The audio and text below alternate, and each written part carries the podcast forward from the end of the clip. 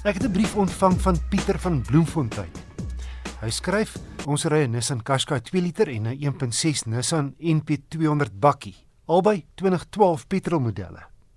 Die NP200 se timing belt of tandriem is op 90000 km vervang. Toe dit die Qashqai se beurt is, laat weet Nissan my die voertuig het nie 'n tandriem nie.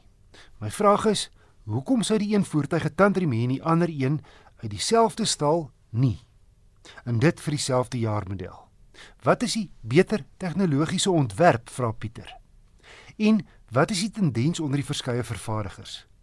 Die tandriem is nogal 'n duur item om te vervang, skryf hy. Kom ons hoor hoe antwoord Nicolou. Hy's 'n tegniese konsultant en die besigheidsontwikkelingsbestuurder by SVU Gepantserde Voertuie. Ja, Wessel Pieter noem dan nou van die Qashqai wat 'n 2 liter petrol enjin het en dan die Nissan NP200 wat dan 'n 1.6 petrol enjin het.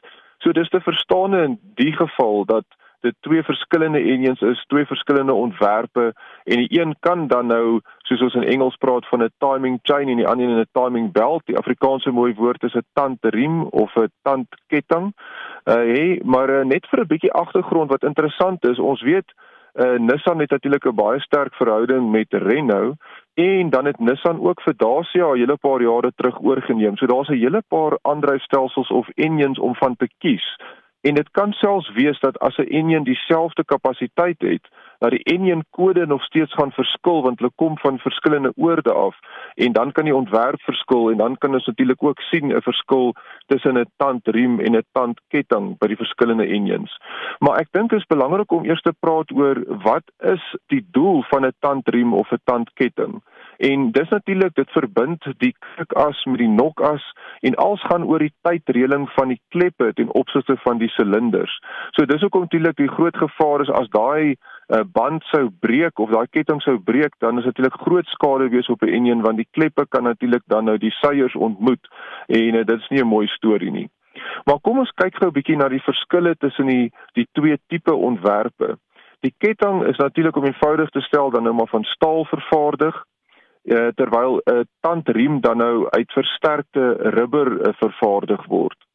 En uh, die grootste voordeel van 'n ketting is hy is geontwerp om vir die leeftyd van die enjin te hou of die leeftyd dan nou van die voertuig. So die eienaar van 'n voertuig met 'n tandketting hoef dan nooit te bekommer oor die ketting wat vervang moet word nie.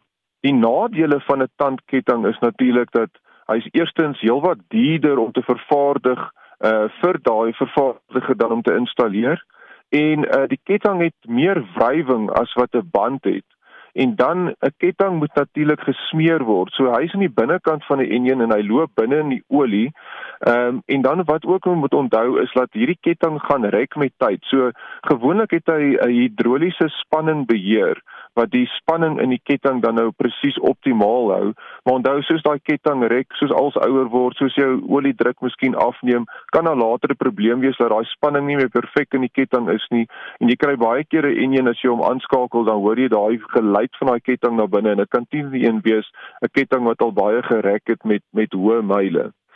As ons dan nou kyk na jou timing belts of jou tandriem dan nou, die voordeel van hom is dat hy's heel wat goedkoper om te vervaardig. So, ehm um, die vervaardigers hou daarvan om hom te installeer en hy het heelwat minder wrywing ook as 'n ketting en die ander groot voordeel is hy's baie stiller as wat 'n ketting is. Soos jy 'n voertuig het wat baie stil is, jy wil nie daai geraas van die ketting hê nie, dan is 'n band 'n goeie opsie.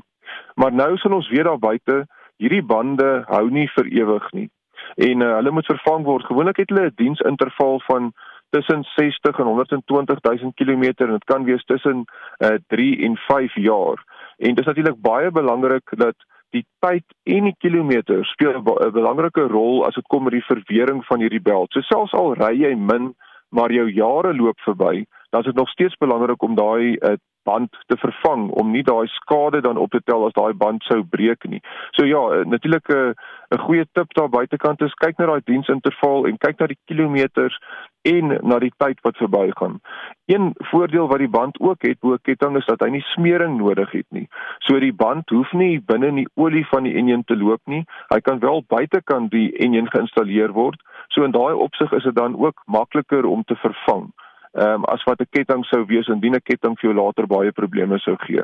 So antwoord Nicolou, 'n tegniese konsultant en die besigheidsontwikkelingsbestuurder by SVU Gepantserde Voertuie.